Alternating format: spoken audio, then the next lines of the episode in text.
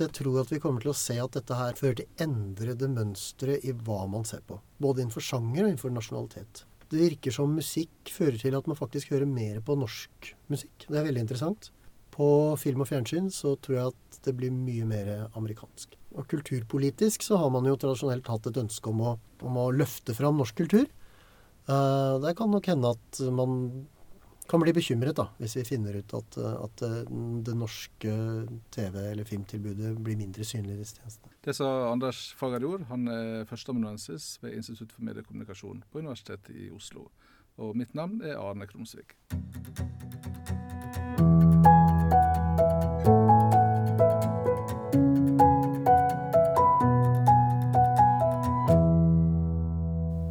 Litt sånn sterkt å si revolusjon og mediene, men, men, egentlig så tror jeg at vi er På mange måter så er det det. Fordi vi har vært i en kringkastingsalder. Og nå, nå er vi på vei inn i en strømmealder, virker det som. Det er en helt annen måte å forholde seg til, til lyd- og bildemedier på, i hvert fall.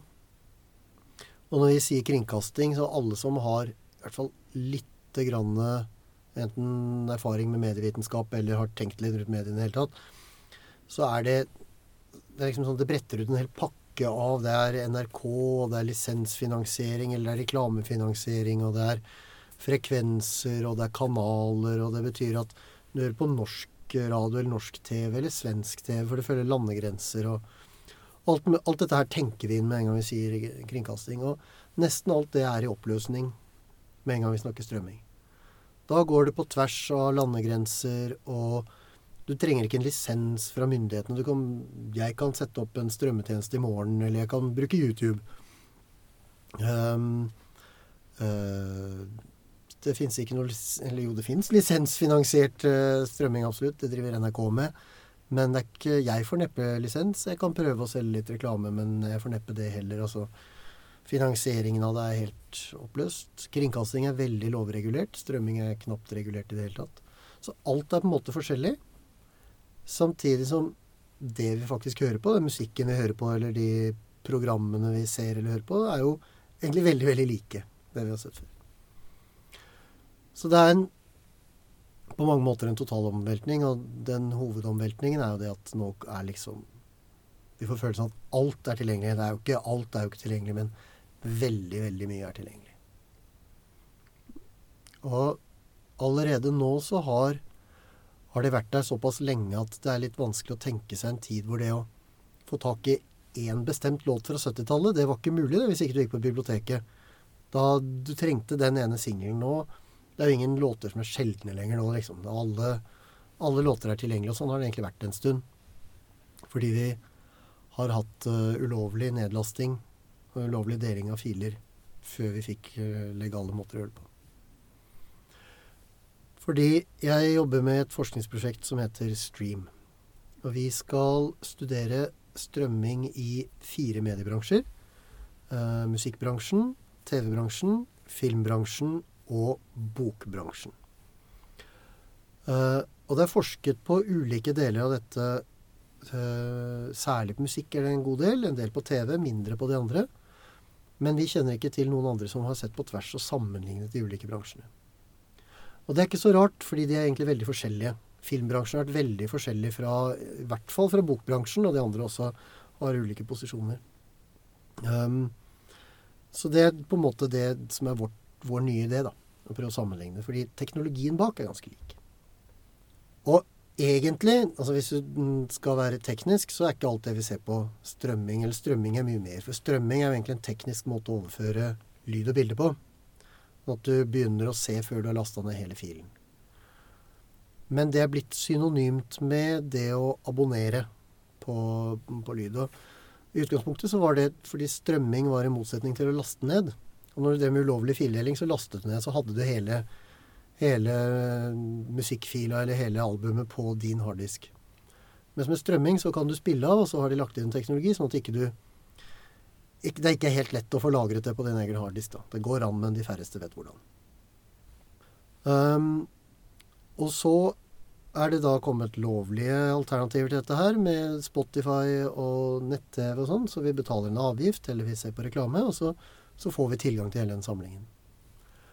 Og så er den modellen igjen tatt videre for bøker og for um, i noen grad også aviser og tidsskrifter. At du betaler et månedlig abonnement f.eks. Og så får du tilgang til et kjempetilbud av, av stoff. Så når jeg sier at du strømmer bøker, at du kan strømme lydbøker, men teknisk sett så strømmer du ikke papirbøker. Men Amazon tilbyr altså, som er den amerikanske nettbokhandelen, ikke sant? de tilbyr nå en, en tjeneste hvor du kan betale en månedlig avgift, og så får du tilgang til omtrent alle e-bøkene de har. Og det, det er jo abonnementsmåten, abonnements... Prinsippet for abonnement er omtrent det samme. Og det har også ført til at folk har brukt Spotify som eksempel. ikke sant? At uh, nå er det kommet en Spotify for, for TV, begynte de å si når de skulle beskrive Netflix. Nå er Netflix metaforen. Nå snakker de om en, en, Netflix for lydbøker, eller Netflix for bøker, eller Netflix for aviser. Så da er det plutselig abonnementsformen da, som er det som står i sentrum. Det er klart at for oss som er brukere, så er det jo en revolusjon. altså At du kan se i hvert fall hvis du tenker tilbake til 70-tallet, når det var ett TV-program på én TV-kanal tirsdag kveld, og nå kan du se hva du vil av milliarder av klipp fra YouTube og Netflix og alt mulig annet, så er det jo virkelig noe helt annet. I prosjektet vårt så skal vi se på hvordan folk forholder seg til dette, og hvordan de bruker det. Um, vi skal Det er litt vanskelig å måle hvor mye folk faktisk bruker YouTube eller Netflix eller noe sånt, fordi Netflix vet du nok i en viss grad, fordi du vet når du har sett på Orange is the New Black eller uh, House of Cards eller en annen serie. Det husker du. Men YouTube-videoer er overalt, og noen ser det på Facebook, og noen ser det på TV-en din, og det kan være vanskelig å, å få målt det både med tekniske apparater og med be folk bare fortelle hva de har sett på. Så det er, vi, det er litt vanskelig å kartlegge bruken, men det skal vi forsøke å gjøre. Men vi skal også prøve å få folk til å forklare hvordan de tenker tenker rundt det, og hvordan de forholder seg til det. Er det sånn at de ser eller hører den samme musikken om igjen og om igjen? Eller er det sånn at de hele tiden vil se noe nytt? Samler de på musikk i spillelister, eller velger de anbefalingene? Ser de TV en hel fredag, åtte timer i strekk, en hel serie? Eller sprer de ut i fast tid hver uke, eller hvordan gjør de det? Dette skal vi prøve å finne ut av. Hvordan er det du går fram når du skal finne ut sånne ting? Mm, vi skal bruke spørreskjema. Ehm, det har vist seg å være komplisert. Fordi vi, nettopp fordi vi har de fire bransjene vi snakket om. Så kan vi Det er grenser for hvor lenge folk gidder å sitte og fylle ut et spørreskjema.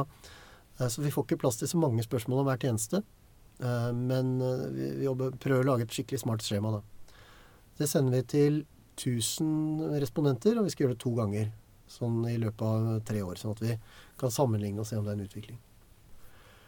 Så snakker vi med folk. Det er vi godt i gang med. Vi har gjort uh, eh, 20-30 intervjuer allerede hvor folk forteller om hvordan de bruker lydbøker, er det vi har startet med. Sånne tjenester som uh, Storytel, uh, som er den nordiske varianten, eller Audible, som det heter i USA. Um, med oss andre. Og så etter hvert skal vi godt um, bruke noe som før het dagbokstudier. Nå har det fått et mer fancy navn. Experience Sampling Method.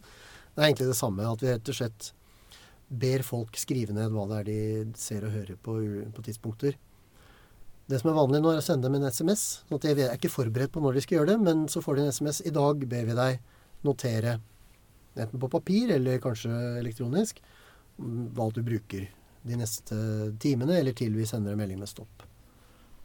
Og Så samler vi inn det, og så kan vi diskutere med dem etterpå hva tenkte det, osv. For da det er jo vanskelig å huske alt du har gjort, men da kan de etterpå se på dagboka si, og så kan de være med på å fortelle litt om hvordan de tenker. For vi er jo alle sammen sånn at vi tenker at det jeg gjør, det gjør alle andre. Og det stemmer jo nesten aldri. Hva er det du forventer å finne ut? Målsetningen vår er rett og slett å, å fylle et hull. Fordi vi, vi er, mye her er at vi vet ikke. Men jeg forventer likevel jeg har en mistanke, da, kan vi, kan vi si det sånn. Vi har, har, en begrunnet mistanke om at folk i stor grad følger anbefalingene fra disse tjenestene. Jeg husker jeg ikke farten om det er to millioner eh, musikkspor Spotify har. Men så anbefaler de 30 spor til deg hver uke. Tror jeg det er. Hører du de? Eller leter, hører du det samme om igjen og om igjen? Eller leter du aktivt blant de andre to millionene? Jeg tror at du i stor grad hører på det samme og følger Spotifys anbefalinger. Jeg tror at det også gjelder Netflix og kanskje i enda større grad de som har mindre samlinger enn det. NRK har en kjempesamling på nettet, men der også er veldig mye usynlig, og det tror jeg at det er det de velger å vise fram, som er det folk ser. Og det andre er at jeg tror at vi kommer til å se at dette her har ført til endrede mønstre i hva man ser på. Både innenfor sjanger og innenfor nasjonalitet. Det virker som musikk fører til at man faktisk hører mer på norsk musikk. Det er veldig interessant. På film og fjernsyn så tror jeg at det blir mye mer amerikansk. Og kulturpolitisk så har man jo tradisjonelt hatt et ønske om å, om å løfte fram norsk kultur. Uh, det kan nok hende at man kan bli bekymret da, hvis vi finner ut at, at det norske TV- eller filmtilbudet blir mindre synlig i disse tjenestene. Den forskjellen som du beskriver på musikk og, og film, hva tror du den, hva, hva som gjør at en velger det norske på den ene og det amerikanske på den andre? Det lurer jeg også på. Eh, det har vært gøy å finne et svar på. Jeg tror en grunn til at vi velger altså jeg tror Det er lettere for meg å skjønne hvorfor det blir mer amerikansk på film og fjernsyn. Fordi Netflix er så store og dominerende. Og de har rett og slett der lagd en del amerikanske serier som er veldig gode. Og det betyr at siden vi vet at disse kjempegode seriene fins hos Netflix og hos HBO, så venner vi oss naturlig dit. Og så får vi en god opplevelse, og så fortsetter vi å være der. Og det er lite skandinavisk eller europeisk i det hele tatt. En del britisk, men det er ikke så mye annet. I hvert fall ikke som jeg har sett. Um, så NRK sin nett-TV er også veldig store. De er omtrent like store som Netflix i Norge. Uh, og der er det jo mye norsk også. Så det, det er på en måte motvekten. Men uh, det blir jo mer og mer vanlig å sitte og binge eller binge serier. Ikke sant? Du ser mange episoder i strekk. Uh, og der er det de amerikanske tjenestene har mer å tilby av serier som er tilpasset det. NRK har mer sånn hver uke-type programmer. Det er veldig interessant det som skjedde på musikkfronten. Det kan være at noe av grunnen er at eh, Norge og Skandinavia er veldig tidlig ute med musikkstrømming. Vi er mye vanligere å, å abonnere på, på Spotify og på Apple Music i Norge enn i andre land. Faktisk så tjener nå Spotify nesten 200 kroner per nordmann. Og det betyr at nesten alle sammen har en eller annen eh, form for Spotify-abonnement. altså. Enten som de betaler selv, eller gjennom mobilabonnementet sitt. Um, så det kan, det kan, være en årsak at vi rett og slett er mange skandinaver, og vi hører en del skandinavisk.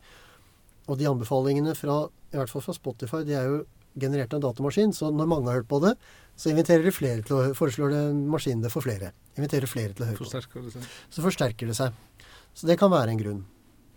Så er det nok også en grunn at norsk og skandinavisk musikk er rett og slett veldig bra for tiden. Altså Norske artister gjør det også bedre i utlandet.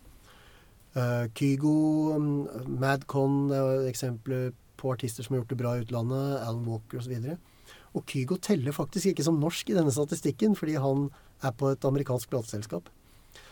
Så det er nok også en del av bildet. Um, men det blir spennende å se, da, når resten av verden følger med på musikk, eh, altså følger etter oss, og også begynner å lytte musikkstrømming, om dette mønsteret vil endre seg. Netflix og, HBO og disse nye strømmetjenestene de, de, bruker jo enorme summer på egenproduksjoner for å, som en del av markedsføringa si. Mm. viser fram veldig veldig kvalitetsmessig godt innhold. Det er nesten sånn det kan uh, slå BBC av og til. Mm. Er det noe som uh, vi bare ser nå, tror du, i den oppbyggingsfasen? Eller tror du at disse strømmetjenestene også kan, kan, på sikt kan ha råd til å, å, å velge, velge, å lage sånne så bra kvalitet? da? Et veldig spennende spørsmål. Og Det er også noe av det vi ønsker å finne fram til. For vi, i tillegg til å studere bruken, så skal vi også prøve å se på økonomien i dette her. Og de tjener jo ikke penger. De taper jo penger i et, et kjempegap hvor millionene bare renner ut hos både Netflix og Spotify. Um, Netflix bruker jo pengene på å lage gode serier, men de har prioritert å få flere og flere abonnenter. På et eller annet tidspunkt så er det ikke flere nye markeder å kapre. Da vil det der flate ut. Og om de da klarer å presse nok penger ut av alle disse abonnentene til å fortsette den produksjonen, det er et åpent spørsmål. Det ser egentlig ikke sånn ut nå. Um, Spotify er kanskje enda verre stilt. De bruker ikke engang penger på å lage musikk. De bruker bare penger på å kjøpe tilgang til musikkatalogen fra plateselskapene. Uh, og de taper enormt med penger. Og Spotifys problem her er at de, deres største konkurrent er Apple Music. Og Apple trenger ikke å tjene penger på musikken, for de tjener penger på å selge iPhones og iPads og datamaskiner. Så de, de kan selge musikken med tap, de og likevel tjene penger. Fordi det er en enda større grunn til å kjøpe en iPhone at du kan høre musikk på den. Så det ser mørkt ut for Spotify, tenker jeg, hvis ikke de finner på noe veldig smart. Eh, noen har foreslått at Spotify kan komme til å bli et plateselskap. Men da spørs det om ikke de mister godviljen hos de eksisterende plateselskapene. Um, Netflix får nå en kjempekonkurrent hos det nye storselskapet. Disney har nettopp kjøpt, eh, kjøpt Fox, Uh, som eier rettigheter til masse filmer og TV-produksjoner. Og sammen så skal de lage en strømmetjeneste som kommer neste år. Og da forsvinner Disney og Fox-materialet garantert fra Netflix. Og da, det ble en helt annen konkurransesituasjon. Og de har jo igjen også en konkurrent i Amazon, som også har begynt å lage TV. Og som kan starte en musikktjeneste også i Europa når som helst. Og Amazon også trenger ikke å tjene penger på dette, for de har enorme inntekter fra andre steder. Så kanskje er det sånn nå at i noen få år framover så har vi et tilbud på fjernsyn og musikk innenfor strømtjenestene som vi aldri får igjen. Det kan hende at gullalderen er nå.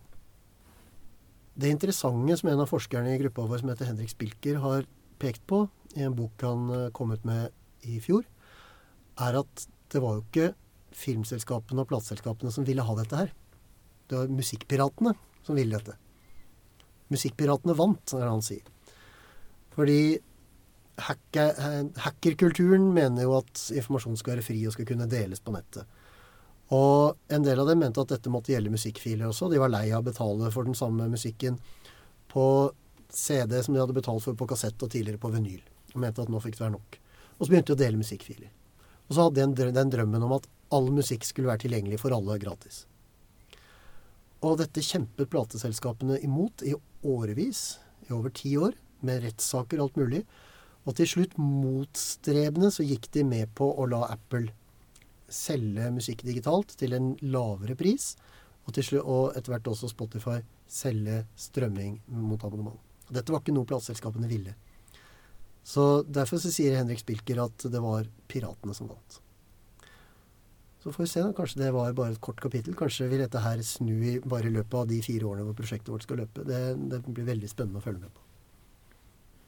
Vi ser at det er nye aktører, folk fra andre bransjer, altså fra databransjen eller fra eh, netthandelbransjen osv., som, som ser ut til å klare å, å, å eh, finne nye måter å ta betalt for. Eh, er det en av de som vil stå igjen, eh, eller, eller, tror du det vil være slik at disse her eh, tradisjonelle aktørene klarer å komme hardt tilbake på et eller annet tidspunkt? Det som er Det som er slående når du ser at nå er, altså nå er Apple og um, inne i denne bransjen med Apple Music. Um, Amazon er inne i dette her med Amazon Prime. De selger bøker, de selger musikk, de selger, uh, har sine egne TV-kanaler. Google eier YouTube, som er den største strømmetjenesten i Norge og internasjonalt de tre selskapene er så store både i omsetning og i verdi at hvis du tegner dem inn på en graf, så blir store medieselskaper som New York Times og BBC de blir knapt nok synlige. Altså De er mikroskopiske i pengemakt i forhold til disse teknologiselskapene. Um, sånn at der teknologi har liksom vært en sektor helt separat fra mediene, så er det nå blitt samme sektor. Um, det har en del konsekvenser. F.eks. så er teknologibransjen vant til ikke å være regulert, mens mediebransjen er veldig strengt regulert. Uh, så de slåss mot uh, sånn instinktivt mot enhver uh, regulering fra nasjonale myndigheter av dette her.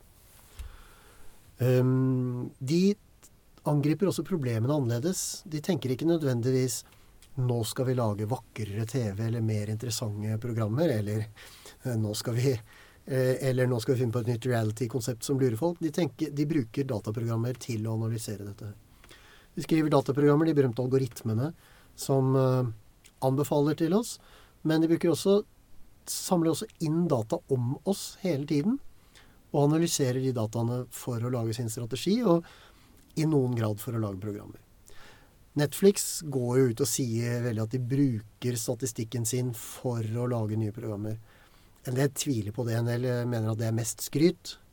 Men det vet vi egentlig ikke, fordi det er en annen ting. Disse holder kortene veldig tett i brystet. Eh, som forskere så får vi ikke lov til å se alle de dataene de samler inn. Vi får ikke snakke med dem om strategien deres.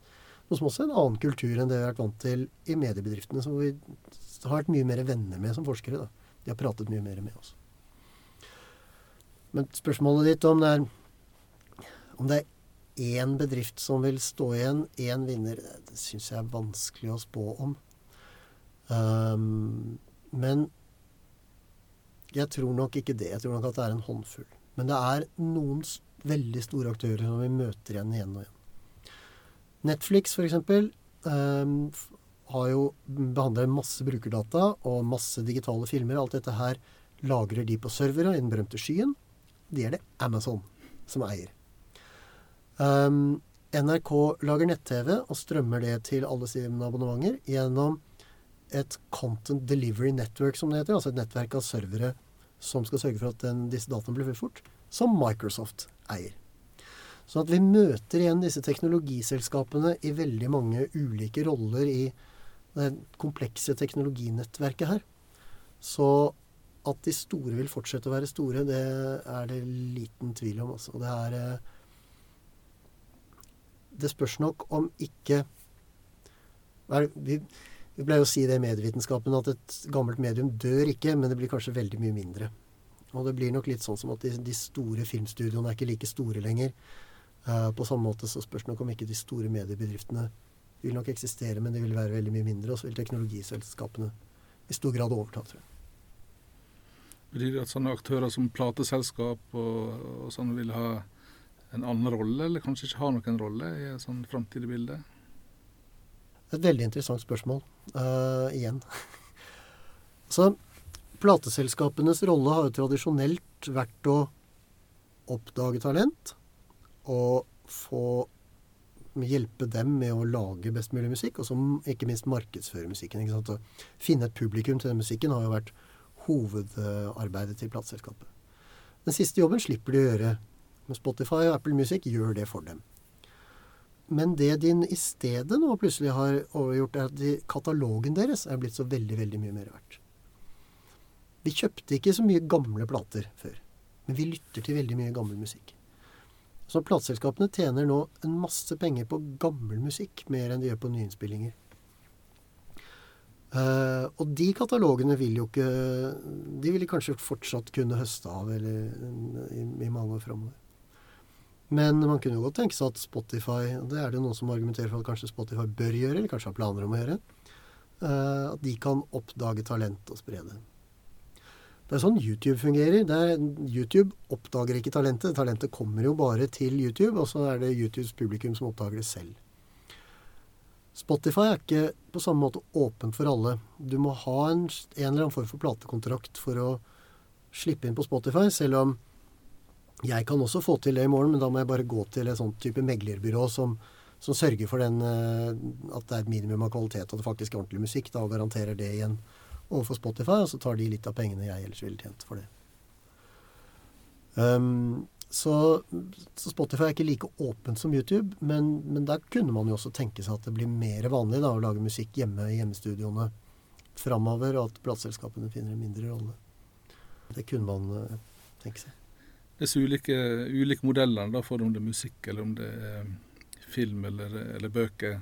Eh, vil de konvergere på et eller annet tidspunkt, sånn at eh, logikken i de ulike strømmetjenestene blir mer lik, eller vil de eh, utvikle seg på en måte med utgangspunkt i, i det som er forskjellig på dette innholdet?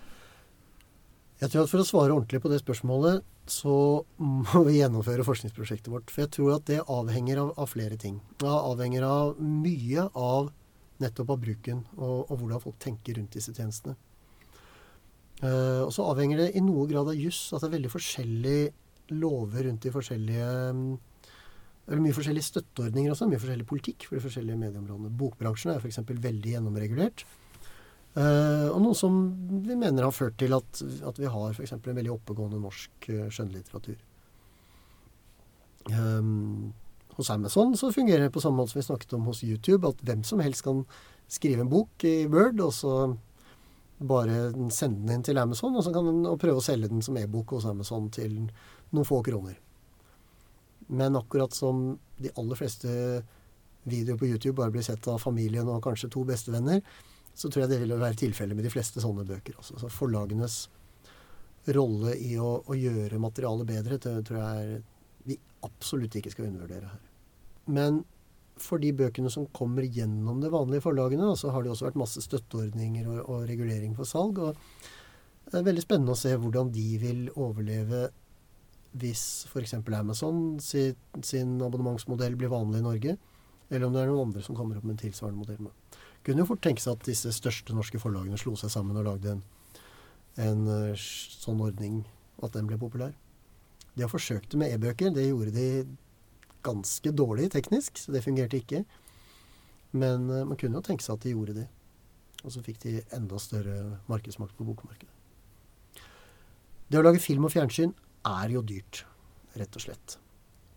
Og film- og TV-produksjoner er jo blitt gjennomgående dyrere også. Det er det er forholdsvis enkelt nå å lage en lavbudsjettfilm. Altså, du og jeg kunne fått tak i et, et Vi kunne nesten brukt mobiltelefonene våre. I hvert fall kunne fått tak i et billig speilreflekskamera som ga veldig god video. Så kunne vi lagd en tradisjonell spillefilm med folk som snakket uh, gikk rundt i vanlige miljø. Og hvis historien var god nok, og de klipte den bra nok på hjemmedatamaskinen, så kunne det bli bra. Men de populære filmene nå har jo spesiale effekter og dyre skuespillere og kompliserte manus, og det koster fryktelig mye å lage. Eh, så der er de også igjen avhengig av å kunne selge til et kjempestort publikum da, for å hente inn igjen de kostnadene og til og med tjene gode penger. Kunstnerne som eh, opererer fra disse her ulike mediene, eh, skjønner du sånn at på, på musikksida så er det ganske skrint, mens kanskje på eh, relativt stor etterspørsel etter fall enkelte skuespillere fra tida, fordi de skal produsere mange, mange lokkeserier til strømmetjenestene. Så hvordan ser det bildet ser ut der? Ja, Det er et veldig, veldig komplisert bilde, for det første. Men det gjelder vel for alle bransjene at det er noen som tjener fryktelig mye, og veldig mange som nesten ikke tjener noen ting. Det er klart at det gjelder nok for skuespillere at de, det er noen få skuespillere som eh, tjener som fotballspillere. Uh, men så er de aller fleste De kan måtte jobbe gratis på en god del prøvefilmer før de får en, en lavt betalt jobb. I Norge så tror jeg kanskje de uh, skuespillerfagforeningen har vært flink nok til å holde lønningen oppe. At det er bedre stilt enn f.eks. i USA. Men det er jo andre deler av dette apparatet. altså Manusforfattere kan jo ofte gå for lut og kaldt vann i mange, mange land. og en ting er at ikke de ikke får mye betalt, og det andre er at uh, folk har ikke så stor respekt for det de lager heller, sånn at de skriver om på manuset mange mange ganger uten å bry seg om kun den kunstneriske intensjonen. Musikkfeltet er ekstremt uh, blockbuster-orientert, som vi sier. Altså at noen få store inntektsmaskiner betaler for alle de andre. Hvis du ser på det i stort, så er det nok sånn at de aller fleste artistene tjener akkurat det samme som de alltid har tjent, nemlig ingenting. Uh, selv de som har gitt ut plater før, så har de aller, aller fleste ikke tjent noen ting på de platene. De har tjent uh, pengene sine på å spille live. Det ser ut som det gjelder flere nå. At uh, det er flere som må spille live. At ikke strøminntektene blir like store som det de hadde fra CD-salg for, for 10 eller 20 år siden. Mens da inntektene fra livespilling ser ut til å gå opp, i hvert fall i de rikeste delen av verden, altså, som der, der, vi, der, vi, bor. Så det er et, et, et komplisert bilde. Um, det er veldig spennende å se hva som vil skje med bokbransjen. Um, det kan uh, Forfatterforeningene er engstelige for at e-bøker og, og, lydbøker vil bli solgt til en lavere pris, og dermed med lavere royalty enn det papirbøker har blitt gjort. Og det foreløpig så ser det ut som det stemmer, altså. Hva er det neste mediebransjen som blir uh, strømma, tror du? Tidsskrifter og aviser er det folk uh, peker på. Der er det eksperimenter på gang. Um, uh, det er også noen norske selskaper som har prøvd å lage sånne samlingstjenester hvor du betaler månedlige avgifter for tilgang til 50 tidsskrifter f.eks. Um, det finnes noen aviseksperimenter også. Der skulle jeg ønske at Skipsted hadde gjort en litt bedre jobb. da, Jeg som abonnerer på både Aftenposten og Bergens Tidende uh, om å betale dobbelt for halvparten av artiklene er de samme. Uh, og når jeg har logget inn hos Aftenposten, så får jeg ikke lese artikler hos BT omvendt. Så jeg skulle ønske meg at vi kunne få en strømmeordning ganske fort. Uh, men dette er jo bedrifter som i stor grad konkurrerer om leserne. og er, de lager jo noe nytt hver dag som vi skal lese. Det er begrensa hvor mange aviser du rekker å lese på en dag. Så det spørs om avis, det, det, enkelte avis har lyst til å melde seg inn i det, og kanskje rett og slett oppleve at de ikke blir lest i samme grad. Men det, det er spennende å se. Uh, et annet spørsmål er jo i hvilken grad vi har lyst til å lese aviser, men i hvert fall tidsskrifter, på mobiltelefonen eller på nettbrettet. Det er jo fortsatt veldig lekkert å lese tjukke uh, tidsskrifter på glanset papir med lekre fotografier. Kanskje det er, er det fortsatt verdi i i den, eh, i den opplevelsen. Da.